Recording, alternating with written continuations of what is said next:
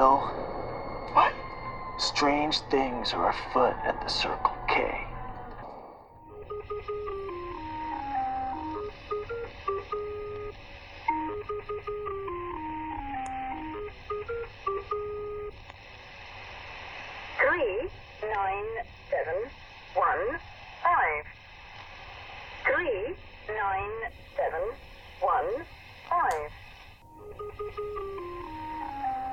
Welcome to this week's episode of Bigfoot for Breakfast. My name is Kale, and I am here to ruin your life.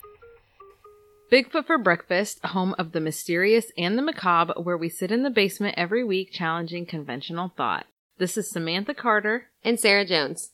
If you've returned here, if you're here, if you're here, hello. are any of us really here? Let's go. If you're here listening to us now, it likely means that you've listened to a few of our other episodes and have returned to hear a bit more, and for that, we appreciate you. We're just starting out and have a huge list of weird topics that we can't wait to cover, so please don't forget to push subscribe on whichever platform on which you are hearing us. Also, after you've listened to us for a bit, head on over to iTunes and give us a rating. This simple gesture goes a long way to help other people find the show more easily and gets the word out that they're and gets the word out there a bit. What? Okay. Get the word Oh. out um, there a bit. also, after you've listened to us a bit, head over to iTunes and give us a rating. This simple gesture goes such a long way to help other people find the show more easily and gets the word out there about what we are doing here at Bigfoot for Breakfast. We would be incredibly grateful for this. Insert cheesy smile here. this week's topic has been a hot one in the paranormal communities forever and among experiencers for quite a long time, but it's really picked up in conversation seemingly since Art Bell opened the dialogue a few years back on Coast to Coast AM. Listeners were frequently writing into him, reporting these entities were visiting them, and they were asking for his advice. Since then, it's been widely reported in various forms. In his show, Art reported over 4,500 emails, 4,500 emails, referencing the entities known as the Shadow People. Be sure to interact with us on Facebook and Twitter as we will be posting this episode and we hope to hear from you. We ended up having to make this episode a two-parter for the simple fact that there was so much to dissect here. And even with two episodes, we won't even scratch the surface. With that, let's get right to it. A shadow person, by definition, is the perception of a patch of shadow as a living humanoid figure, particularly as interpreted by believers in the paranormal or supernatural as the presence of a spirit or other entity. In some native cultures, lore revolving around these dark figures starts around 1153 BC and reports continue to this day. So, this seems to be actually an old phenomenon that is just now really being discussed in depth, likely due to the existence of the internet. Earlier reports seem to be that these entities were almost always seen out of the corner of our eyes, somewhere in the peripheral, but reports are getting much more detailed, and many are reporting this happening directly in front of them and for much longer periods of time. Some even state that they can make out minute details, such as glowing eyes or clothing. But we have some stories here tonight, and in part two, that take it quite a bit further. Don't we, Sarah? Indeed, we do. We've all been in this situation, sitting in our homes or office, quietly working on a task, when you think you see something over in the corner of the room. But when you turn your head to look, there isn't anything there. Just the other night, I was sitting in my living room folding laundry, and I thought that I saw a shape of a person standing in the doorway right in front of me. But looking up a little more from the shirt I was folding, and staring directly at the doorway in question, proved that there was indeed nothing at all. So why do our minds do this? Is it a primal survival mechanism in our brains to keep us always alert for danger? Are our minds doing it at all? Or is there really something there that we aren't fully able to process? Should we be scared? How far does it go? Can they hurt us? Can they mess with our minds? It's the human condition to question things that we aren't fully able to understand. These things unsettle us and drive us to seek answers and closure. And when we don't get these answers and closure, we end up sitting in the basement talking about it on a podcast. Maybe someone out there knows something that we don't and can give us some insight. Also, for anyone who has any stories about their experiences with folks of the shadow variety, please feel free to send it in with your name and where you're from to bigfootforbreakfast at outlook.com. You never know, we have big plans, so you may find your story being told on a future episode. One theory regarding shadow people is that they are simply ghosts. but I feel like there are a lot of really big differences here between what I think of as ghostly and what is being described when experiencers talk about shadow people. I guess there are people out there who refer to anything supernatural as a ghost, but I think that they fall into different categories here. Ghosts are almost always described in more detail, more of a misty white, vapor like, and appear much more human. Others would argue that shadows are ghosts in the process of manifestation. Maybe, but I guess my thinking is that there are no reports that I have found in which this is being described. You just don't see people talking about how shadow people change from a shadow into a ghostly apparition. They seem to remain in shadow form throughout the entire experience, although often they are reported to somewhat change shape. So let's dive into a little bit of discussion at this point. What do we think a ghost is? Samantha? So, when I think of a ghost, I think of more of a non corporeal being, someone, something that used to be human, perhaps, that was shuffled loose the mortal coil. I would agree. I would say that if I was going to use the term ghost, what I would think of in my mind is something that was at one point human or shows the remnants of humanity, has human characteristics, I guess everybody has a different definition or a different mindset as far as this goes. That's just kind of the way we see it. If we were going to advocate for the existence of the human soul, that is my perception of what a ghost would be. And I think that everything supernatural or paranormal falls pretty distinctly into categories. Sometimes it's aware of us, and sometimes it's intentional. Sometimes they're unaware and going about their business kind of like a residual haunting type situation. I feel like shadow people personally are something else entirely. I think that they were never human at any point at all. I agree. And most people who describe experiences with shadow people, um, there's usually sort of a negative energy involved with that for the most part.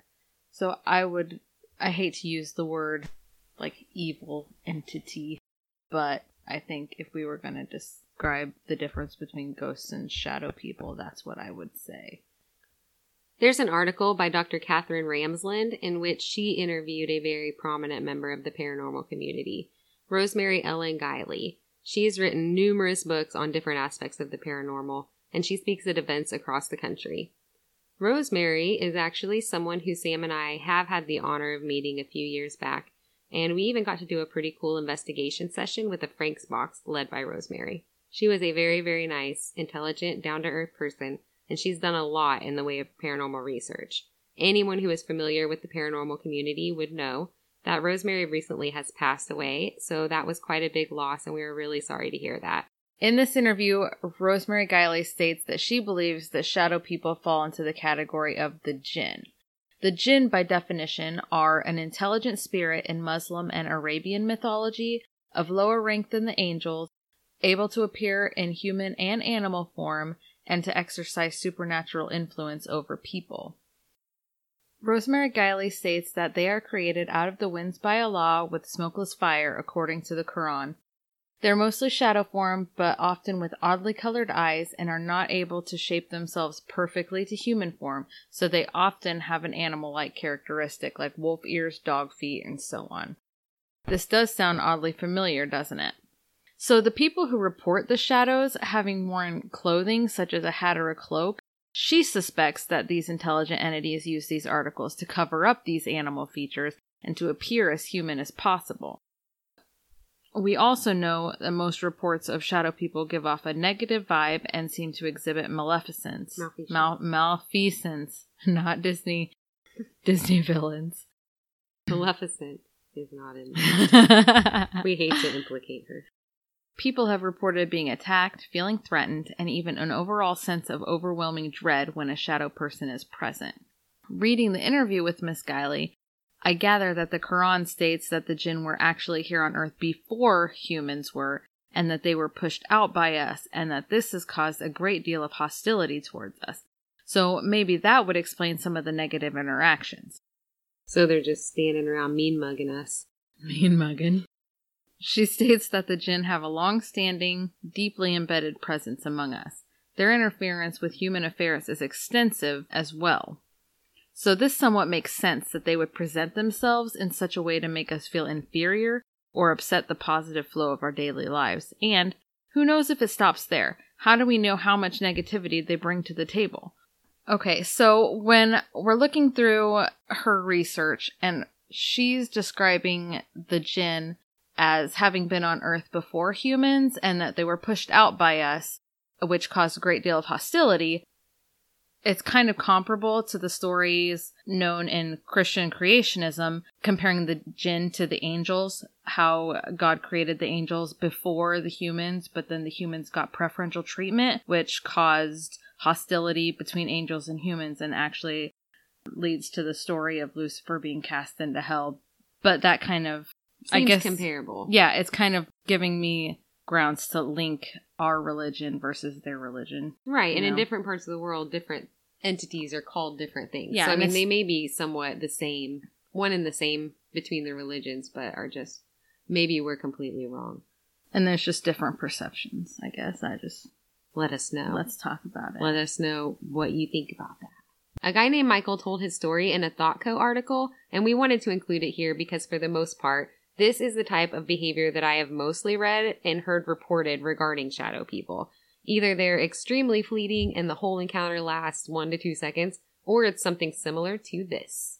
I woke up during the night. I had just bought a house and spent the day painting before I moved in. My friends left for the night, but I decided to sleep in a beanbag chair. I awoke feeling thirsty and went to the bathroom for a glass of water. That's when I got a distinct feeling that someone was watching me.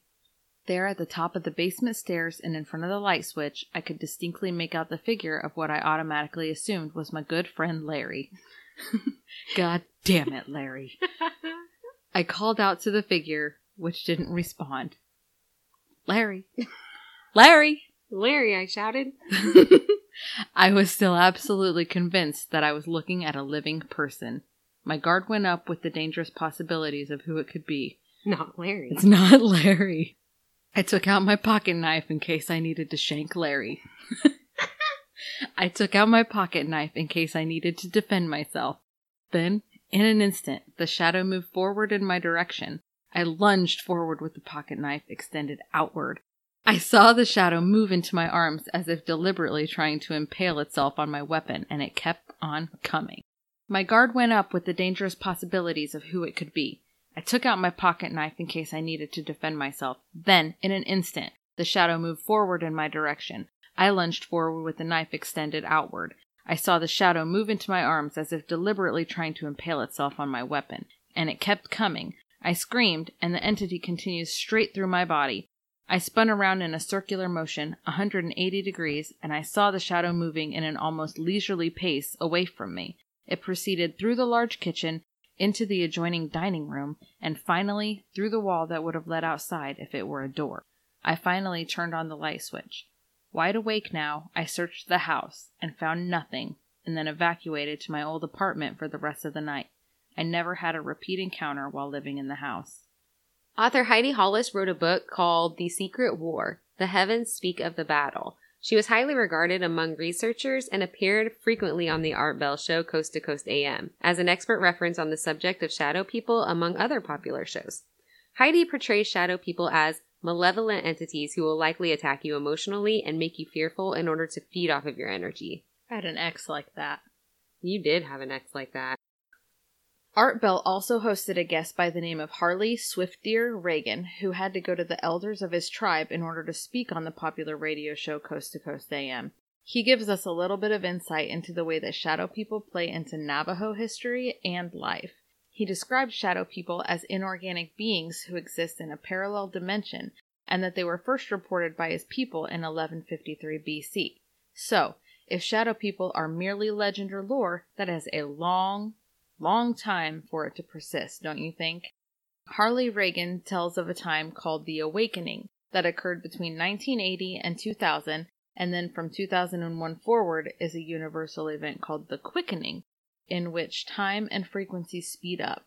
Shadow people will be much more visible due to the rising frequencies. According to Reagan, these beings feed off of our negative energy and chaotic energy like vampires. That sounds an awful lot like an episode of The Outlander. There can be Only one. That's the Highlander. That's what I meant. The idea that they are interdimensional beings suggests that they are all around us all of the time, but only certain energies and frequencies allow humans to perceive them. Many sources state that animals are much more perceptive when it comes to paranormal or interdimensional discrepancies and entities. So, all of these times you are sitting in the dark, quiet living room late at night and your dog suddenly perks up and gives a low growl at the corner of the room, or your cat's fur stands on end and she appears to be bothered over nothing, maybe it's not nothing. So, what are the implications of the possibilities of parallel dimensions? The idea that these exist can basically eradicate all of the idealism of religion throughout Most of history. most of history, exactly, in all different cultures. Also, it makes it so we see things that are scary. The ancient Celts had a legend of a dark man called Fear Dorcha. According to livinglibraryblog.com, Fear Dorcha is a shadowy, mysterious, malignant fairy being. It's And- actually more like kale. Kale Dorcha. a shadowy, mysterious, malignant plant. And it sucks your energy like a vampire. Okay, so Fear Dorcha is not a fairy in a sense that we know of the sweet, fluttery fairies that we all see in movies today. These fairies of lore were not known for kindness and happy dust. These were dark, gnarly creatures who typically caused people a great deal of grief. The Celts portrayed Fear Dorcha as a servant to the fairy queen who would venture out into the mortal world in order to observe people to find the perfect one to abduct and bring back to her. It is written that he is able to make all surrender their wills to his command, and that although many have journeyed with him to the fairyland, few have returned with him. It says few. Makes you wonder if what kind of stories. Well, where do you think the stories come from? So, they have shadow people lore dating back seemingly as far as the 1600s. If they were seeing these entities the way that people today describe them, it would somewhat make sense for them to come up with something like this. People describe shadow people as giving them negative feelings, and often state that they are either moving erratically around the room or simply still as though they are just watching you, as if Fear Dorcha was there trying to decide whether you are right to take back to the fairy queen. You remind me of the babe. It's David Bowie standing in your living It room. sounds exactly like Jareth the Goblin King. I'm convinced. So these stories talking about where the legends come from, words, words, word salad. You're not coming up with that, are Got words. Fables throughout history, such as the Pied Piper of Hamelin, address similar situations and beings like this. So when you think of where these stories, these children's stories, are originating from, they very well could be the remnants of survival tales. Another creepy experience that we received. I'm just staring at you because I can't come up with what I want to say. I have all these things in my brain and they won't come out Mm-mm. of my mouth. I taste sour in my mouth. Another creepy experience that we received is from a Reddit user by the name of Brad from Englewood, Ohio. Hi, Brad. Hi, Brad. Brad reported an incident that he experienced with a shadow being when he was eight years old. He reports My mom had gone through a nasty divorce with my dad. My older brother and I went to live with my mom in our hometown. Eventually, they set up a visitation plan that allowed my brother and I to visit every other weekend.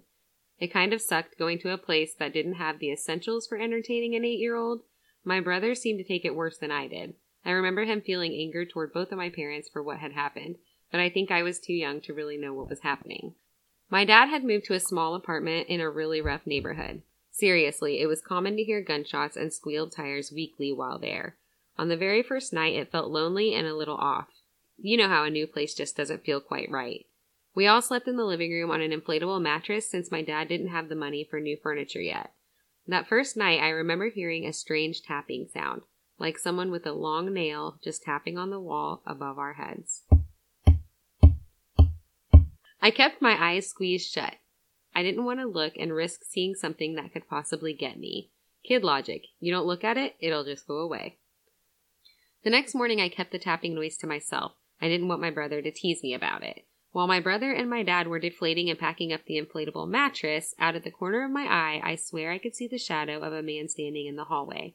but whenever I would turn and look, there wouldn't be anyone there. I shrugged it off and went back to watching my brother and dad struggle with folding the mattress. But I always felt like there was someone else there watching me. I don't really remember the rest of the day. I know we didn't spend much time at the apartment since there wasn't a whole lot to do. My dad had a whole weekend planned for us outside, so we wouldn't be bored, I guess. Later that night, we finally arrived back at the apartment. It was around 8 or 9 p.m. The sun had begun to set. There was enough sunlight to see without artificial lighting, but when my dad opened the door to the apartment, it was pitch black, almost as if a blanket were covering the window and the doorway we were looking into. My dad just walked in and flicked the light switch as if he didn't notice. That's another common element reported with shadow people. A lot of people will see them when it's already dark in the room, and they say that it's frequently described as blacker than black, blacker than the night. That night wasn't much different. Just before falling asleep, another set of tapping occurred. Just above my head. After what felt like an hour of tapping, I just couldn't stand it anymore. I had to know what was causing it. I slowly opened my eyes and I could not believe what I saw. It looked as if a man, all shadow, was clinging to the wall. It reminded me of Venom or Spider Man, the way they would cling to walls, but this thing had no distinguishable features. No face, no clothes that I could tell. He just hung there above my head. His free hand was planted by his feet, and one gnarled claw tapped ever so gently against the wall. I was so terrified, too terrified to scream or even move. What was it? I must have begun shaking because a few moments later my dad shifted next to me and he said, Are you cold?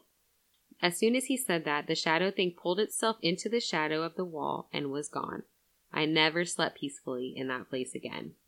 So I also have to point out the fact that the dad did not see the shadow being in the living room the way this guy did as a child. This is another example of how kids are more in tune to things in the universe. And I think this is because as adults, our minds are consumed by other things bills, kids, school events, and we were constantly just planning our next move through life.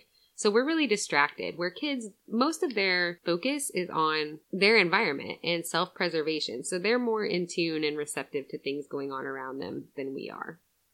And they're also, their minds aren't jaded to the experiences. We're all Right. taught that, you know. It's taboo. Exactly. So, we talked about shadow people as interdimensional beings, but some people out there pose the idea that the shadows we are seeing are merely fleeting visions of astral projection and that these entities are in fact time travelers who are moving through dimensions to another period and visions of them are bleeding through to our dimension. So, for those of you who aren't super familiar with the concept of astral projection, or even vaguely familiar, here's a quick rundown. The concept of astral projection is an intentional out of body experience. People like Larry, capable of separating their physical consciousness from their astral. Their physical body from Yeah. their consciousness. Yeah, that. So I, we're still under the understanding that this was indeed Larry Well, yeah. in astral form. Larry be creeping. Yeah, Get out of here, Larry. Not again. so these people are able to make the astral body travel outside of the physical body and throughout time and space so they can visit different times, different areas in the universe. And this is common practice all over the world apparently. There's stories or conversations about this happening in, I mean, all over. So it's not just limited to one culture. The concept may or may not be related to time travel, but some people would argue that that is a possibility. Right. So So what about the idea that, sorry, I interrupted you. That's okay. Go ahead. What about the idea that when you're seeing shadow people, it's actually maybe a shadow of your future self coming back to look at you? That's something to think about. Maybe it's you in the future going back and it's the ghost of Christmas past and you're like, I don't want to be here anymore. I fucked up. I wanna go back. Or maybe it's them looking at an alternate future saying, okay, now I've seen what I've done wrong and I will fix the error of my ways because I don't ever want to live this life. Just some food for thought. So someone is just traveling through your space. Maybe it's not you. Maybe, maybe it's just someone passing through. Larry, Larry, I'm or to say hello. right, on their way to somewhere else. So basically, they're saying that they may be aware of you, and in some of these instances where shadow people stories are so different, where Some of them are just fleeting and they come and go quickly, or some of them seem to be watching you. So basically, I'm not making any sense. There is the distinct possibility that you're standing in front of a light. And it is, it is literally it is your you. shadow. literally your shadow. So make the distinction, all right, before you write into It's an orb. It's not an orb. So basically, people are saying that it's just someone traveling through your space on their way to somewhere else. So these stories that vastly vary, where some people s- describe the shadow beings as fleeting and they just kind of come and go, versus the people who say that they seem to be watching them, interacting with them, touching them, which is just insanely creepy. I can't imagine that happening to anybody for real. They're either aware of you or they're not, just depending on which type of time traveler we're dealing with. But then there's also the difference that it is the perception of the person that creates the different experience. Exactly. It could be either that or just simply a glimpse into another dimension, like an accidental bleed through. Or two worlds existing at the same time on different planes who accidentally bleed. That's exactly what I other. just said. Not really. You're talking about time travel. It's fine. It's kind of funny. It's not. it's really funny. Or how about this idea? I'm gonna reword what you just said. I like it. I like your style. I agree. I concur. I concur. Keep in mind also that many experiences seem to happen during periods when a person is just awakening or just about to fall asleep, or during a time of sleep paralysis, which is something that I recently learned about in the past few years and sounds absolutely horrifying. When you're in these stages of consciousness, it's said that hallucinations are common, and your mind tends to play on your fears. As far as sleep paralysis goes, scientists say that at least 20% of the population will experience an episode like this. 20%. I've thankfully never had to experience the craziness that is sleep paralysis, but I feel that those odds of 20% are a lot bigger than I would like them to be. For those of you who have never experienced or heard of sleep paralysis, let me give you a description. It's a feeling of being conscious but unable to move. It happens when a person passes between stages of wakefulness and sleep. Often, you're unable to move or speak for a few seconds up to a few minutes, and some people also experience a feeling of pressure or a sense of choking. We will be covering sleep paralysis on its own in a future episode, and we will hopefully gather a few interviews for you. But for this episode, sleep paralysis is important to throw in because many, many people have a sense of someone in their room during paralysis. Most often, people describe seeing them as large, shadowy figures. Coincidence? I think not. Sometimes they're reported as moving around, seeming to be aware of the sleeper and somewhat taunting them. This version of self aware, malicious shadow people are, to me, so much more terrifying than the fleeting ones that we talked about earlier. Some report that they are still, as though they are watching the sleeper. The sleeper will often report hearing indiscernible voices while the shadow person or people are present. What? To me, this sounds like it belongs in my top five worst situations in the world. Top one toilet spiders. That is no joke. I'm one of those people that throws their shoes on the ground before I put them on to make sure there's not a spider. Is Hmm. that a thing that other people do? Although it's often reported to last for under a period of 30 seconds, typically the person experiencing it will often say that it seems like forever. I can imagine that is true. Scientifically, they say that there's a simple explanation for sleep paralysis. Your brain and body just aren't synced when awakening, in that your mind wakes a little faster than your body, and since you're paralyzed during sleep, your body won't even move when your brain is asking it to. So, are you, though, paralyzed while you're asleep? Because when I wear a tank top to sleep, I it moves. like, I'm gonna wake up with my shirt wrapped around my neck, so am I really just laying there? Nah. I don't think you're paralyzed when you're asleep. I think that it just means involuntarily. You know what I mean? Maybe. Your brain isn't able to make voluntary movements, but your body will involuntarily respond to, like, if you're hot. Be careful when you answer the door for the UPS guy. oh, hi, Larry. what you doing in my house? Again? Okay. As far as the widely reported shadow people, they explain that it's simply a hallucination that you're experiencing in a dreamlike state. So, if your mind is awake, why are you dreaming? And why are the reports so vastly? I know what you're thinking. You why are you white? You can't just ask people why they're dreaming. Why are you white? it's really funny that the second I giggled, you knew. I knew exactly. You knew where I was going. Oh, we spend oh, way too much. Never time go full Regina George. Why are the reports so vastly similar in that people are talking about seeing the same types of entities and hearing these disturbing voices? It makes me wonder if our minds are just more perceptible to things that are there. Maybe these things are around us all the time, and during this period of awakening and sleep, you are just in a state to more easily perceive them. Or what's worse, they can more easily perceive you. Dun dun dun. Demogorgons. He knows you're here. So why do we have an increased awareness and perception of these things when we are near sleep? Do you have an answer? No. I thought about it. My answer is no. I'm on your level. This line of thinking leads me to a popular theory regarding shadow people in that they are actually interdimensional beings. Hear me out. Even hardcore science fanatics are certain that there are more dimensions than the three we are privy to as human beings. Some theories lend thought to many, many more. If we inhabit these three, does anything else hang out in the others? The upside down.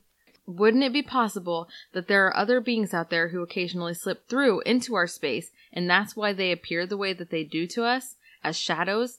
Our perception of them would be extremely limited, I would think. I came across another story from a man named Tim from Crown Point, Indiana, who told me that when he was about five years old, he had a crazy experience with a man of the shadow variety, and it sounds like this was the only time he had ever seen anything like this. He says that he was lying in his bed as a child and noticed a very, very tall man standing in the doorway of his bedroom and was entirely black, possibly wearing a fedora and a waistcoat or peacoat. He carried a set of three bolos in his left hand that were tied together with rope and was clanging them together. For all of you that aren't sure what a bolo is, it's a large single edged knife used primarily in South America for cutting coconuts and tall grass. It was the lime into coconut. I had to Google that. And I feel like that's a really random thing for a shadow person to be carrying around. Well, maybe that's just his perception of it. Mm-hmm. He knows Bolo, so he saw Bolo. Okay. He says that he began to speak to the shadow person, and before he could get the words out, it said, Get away from me, in a very low, grumbly voice, and he remembers his knees jumping up under the covers. He screamed for his dad, and his dad came in and got him. He estimates this to have happened around 1982. The shadow people have been talked about or interpreted in different ways throughout history. The Choctaw Indians have different versions of the shadow man that I found interesting. One version is called the Nalusa Chito. Chester Cheetah. One version is called the Nalusa Chito or the Soul Eater. The Soul Eater creeps up on a person, entering and eating your soul. So how? So it enters and eats it. It's in your soul, I think and then it, it, eats like itself. enters your body. enters your body. Okay. The soul eater creeps up on a person, entering your body and eating your soul when you allow evil thoughts or depression to set into your mind. Another is called the Nalusa Falaya, who would appear extremely frightening in his shadow form by sliding towards people on his stomach like a snake. And if that is not something out of your worst damn nightmare, I have no idea what would be, or I don't want to know. Also, I want to point out that there's yet another culture who describes these shadow people as being frequent during down times in your life when you're depressed or having bad thoughts or just generally things aren't going right. Times when you need Dr. Phil. Maybe Dr. Phil. You leave the good doctor alone. Their last version of the shadow person is called the Hashik Aqua Huiga. And only, is that right? Sorry. Yeah, it is. I just involuntarily. Only his heart is visible. I feel you, Hashik. This somewhat resembles the Will o' the Wisp out of Irish folklore in this way. It also resembles Will o' the Wisp because the entity would use his intriguing light, that was his heart, to fascinate people into following him and lead them astray. I always wondered where the will o' the wisp led them. Like, what were his intentions? Was he good? Was he a good guy, or was he a bad guy? I don't remember, honestly. I have a whole book on it and I don't remember. We should find out. Yeah. So the Choctaw believed that everyone has an inner shadow and an outer shadow. Upon death, the outer shadow was to wander about the house or the area of death to cause consternation and fear in the area and keep people out. The inner shadow would be the one to go to the land of the ghosts. That sounds a lot like a Carl Jung theory. We talk about Carl Jung. I like him. It's fascinating to me that so many cultures throughout history have some sort of explanation for shadow people and that people continue to make these reports to this very day. They've been there, written in books for centuries, not going unnoticed by humanity. People from entirely different times, different cultures, different countries, and walks of life have felt the need to record them into their history and in their dogma. It seems sillier to say that there's nothing to it, don't you think? Our next submission comes from a man named Abraham, and I want to take this opportunity to say thank you to him for his kind submission to help out our show. Abraham moved from Mexico to the United States with his three older sisters and single mother. These experiences began when he was about five years old and ended when he was around 10. He is now 32 and works as a financial analyst and developer. His experience was not merely with the shadow people, but with the Hat Man specifically. The Hat Man is a very commonly reported version of the shadow entity. He is usually described as a tall man of only shadow and no detail. He is typically wearing what looks like pants, a jacket, and a brimmed hat. And if you think about it, that last submission that we talked about, he also described the shadow person wearing a hat. Yeah, Um, a fedora. and he was no a much more fashionable shadow Yeah. entity. Right? Zoot Suit riots Zoot Suit Riot. He didn't wear a fedora. That would look weird with a fedora. with a fedora. Am I fashionably incorrect? Maybe I am. He is usually described as a tall man of only shadow and no detail. He's typically wearing what looks like pants, a jacket, and a brimmed hat, and no one seems to think he is friendly. There are also a few other mysterious characters involved in Abraham's story, and we'll let you decide what you think about them. So, Abraham says that he can remember it all very well. He lived in a very poor community with his mother and his sisters. He was the youngest, so he had to sleep in the same bedroom as his mother. He doesn't recall how it all started, but at five years old, he can recall being terrified to go to sleep because he knew that the Hat Man would be there. It's always the same. His mother would turn out the light in the bedroom, but would leave a light on in another part of the house because in their culture, you always leave a light on to keep evil out. With this hallway light pouring into the bedroom, he could clearly see everything in the room. He would suddenly feel a cold sensation, and the next thing he knew, the Hat Man would be there, covered in a black cape. His face was mostly covered by his hat, and he had red eyes and long clawed fingers. Do you see a distinction here where this guy had long clawed fingers and so did the other one in our previous story? Claws happen to be a common element. Mm-hmm. And that kind of goes along with uh, Rosemary Ellen Guiley's theory on the animal features. Yeah. I Um, forgot about Rosemary saying that. So Abraham would hide his head under the pillow, but no matter how much time passed, the Hat Man remained in his room, just looking at him from the side of his bed or at his feet. The Hat Man never smoked. He doesn't smoke. Hat Man is very health conscious. All right. The Hat Man never spoke, he only watched. His experience didn't stop there and didn't remain limited to the night. He saw the Hat Man at school, in the schoolyard, or in the park as though he was following Abraham.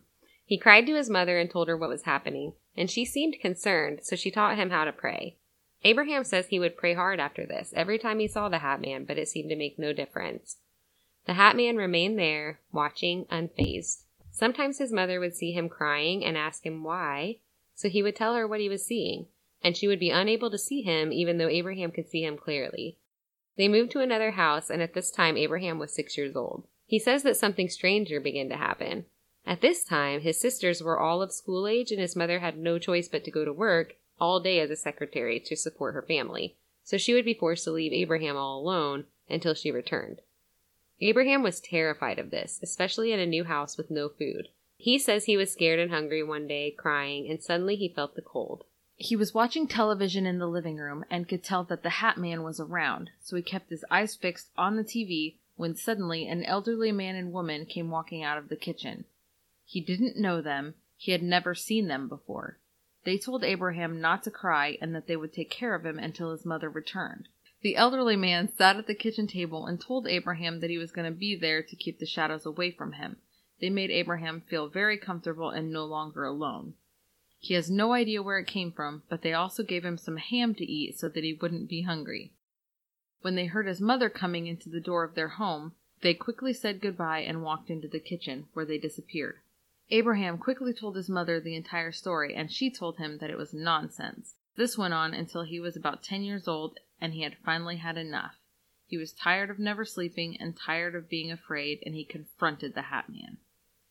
Abraham told him that he wasn't going to pay attention to him anymore. He was tired. He told the Hat Man to just stay there and lurk, but that he was going to sleep, and that he wasn't afraid of him anymore. This was the last time that the Hat Man appeared to Abraham, but it isn't the end of the story. Abraham is 32 years old now, and he hadn't thought of the Hat Man for years. Recently, he was speaking to his mother, asking her why they moved so often from house to house and didn't just stay in one place when they came to America. His mother replied, You're an adult now, so I can tell you. I never wanted to make you feel like you were crazy, but I also didn't want to scare your sisters. We moved because no matter where we lived, there was always a man following us, a man in a hat. He would be in the yard, behind curtains, or watching from another room, but he was always there, in silence. Abraham was also at work one day and overhearing some chit chat from two female co-workers. One of them said, I don't know what to do with my kid. No matter where we go, he's always telling me that he is seeing a man dressed in black, with a hat and red eyes. Abraham was in shock. At that moment, everything came back flowing to his mind. Every memory from his childhood, every feeling. Abraham says, This stuff is weird, but it's real. I don't know what it is, but I'm sure it's real. He also goes on to state that he has a career that basically revolves around mathematics and his beliefs are largely science and fact based. But he really has no choice but to give credit to the Hat Man's existence, along with the elderly couple who cared for him when he was frightened. He simply cannot explain these memories, which he adamantly states were extremely real. Let's dissect this for a minute. So we said earlier that an overwhelming amount of people who experience things like this also report a dark, stressful, or negative time in their life at the time of their experience or experiences. We're really hitting that home. yeah. we just want to really let you know. Don't be sad. this is also a commercial for Xanax. just take it out of me. GlaxoSmithKline, this one's for you. Mm-hmm. This boy was five years old when this started. His family had just moved here from another country, away from family and any friends that he may have known. He says that his English is limited now at 32, so I can imagine that he spoke little to no English upon moving to the U.S. His mother was a single woman with multiple children, so I'm sure that there was some stress involved there trying to support everyone and having to leave her youngest at home while she went to work every day, even though I'm sure that she didn't want to, but likely couldn't afford daycare for him. This would be difficult. It would create a lot of stress for anyone in the household.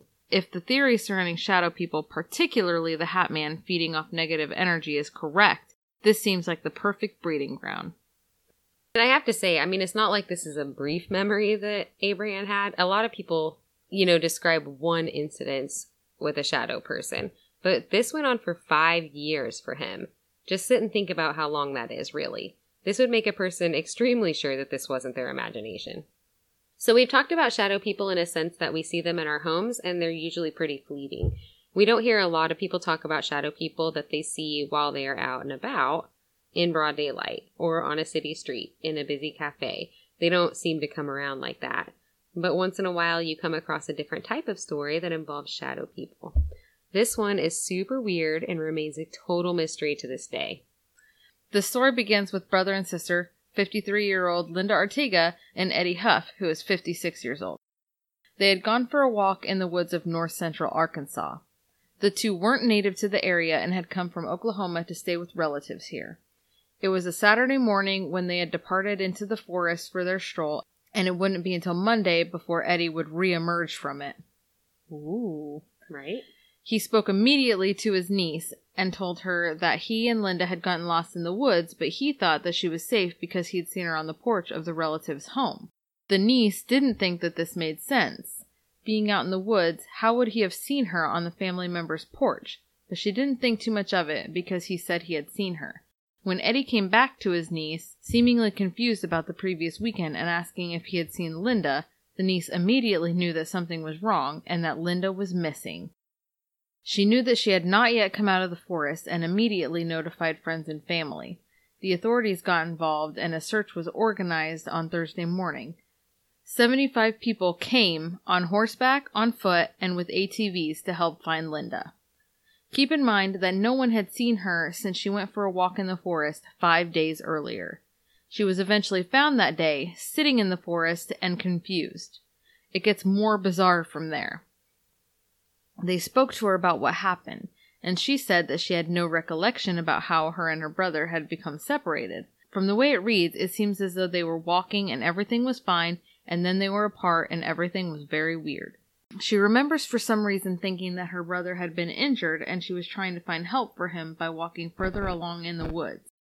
As she walked, she luckily met some other hikers on the trail and felt extremely relieved. She ran up to them and tried asking for help, but they kept walking as though she didn't exist. She yelled for them with no reaction whatsoever from the passers by. She kept walking and the whole time became more and more frightened because she knew that there were people everywhere in the middle of the forest. They kept hiding from her, behind trees and behind bushes. Linda described them as weird people, very weird people. She also said that she could never make out any details about them in order to give a physical description. They were shadowy but solid, and they just watched her through her distress. The next thing I want to present comes from the wonderful world of good old fashioned psychology. Oh, there he is. I told you. I forgot he was in this episode. Although I'm not sure this is exactly what he meant, I think that it still contributes something to the conversation. Carl Jung presented the idea of the shadow self. Basically, this is the innate dark side of our psyche, and all of us have it. Followers of Jung state that some aspects of our shadow are the product of our evolution, and some are the product of our upbringing. So a little nature mixed with a little nurture. When our shadow remains unconscious, it wreaks havoc on our life.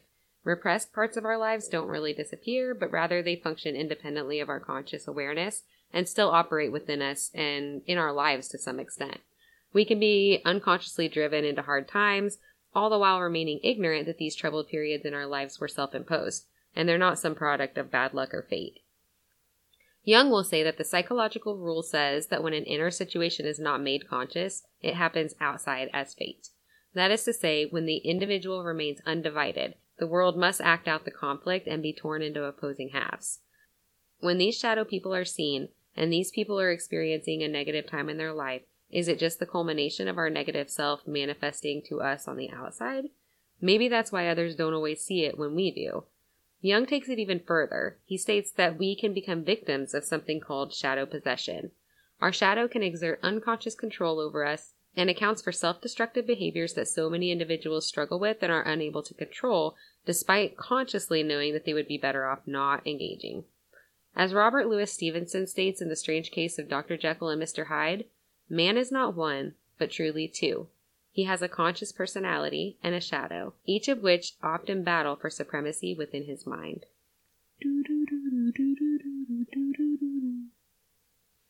That was this week's episode of Bigfoot for Breakfast with many more to come. And don't forget to tune in next week for part two of the Shadow People episode. Among other things, we have a pretty great interview for you with a really nice guy who has kindly offered to share two experiences of his own with our listeners. If anyone feels so inclined to help a couple of really nice girls out, please press the subscribe button and listen to us weekly as new episodes will be up every Monday. We are really nice. We are. Well, I am. No, I'm not. She is. So check out our show notes and transcripts at bigfootforbreakfast.com. And after you've heard a few episodes, please don't forget to take a few minutes to give us a rating and a comment for the show on iTunes. It doesn't sound super important, but these are the things that will keep the show going. And they also let us know what you think because for real, we want to know what you think. Rating and commenting on iTunes also helps make the show easier to find for others, which we would very much appreciate. Thank you so much for listening, and we hope you'll stick with us. We'll end this episode with a creepy quote from Paul Eno. There are an infinite number of universes existing side by side and through which our consciousness constantly pass. In these, all possibilities exist. You are alive in some, long dead in others, and never existed in still others. Many of our ghosts could indeed be visions of people going about their business in parallel universes or other times. Until next episode, stay in school and remember to use coconut oil when cooking your kale so it's easier to scrape in the trash. Larry! Larry!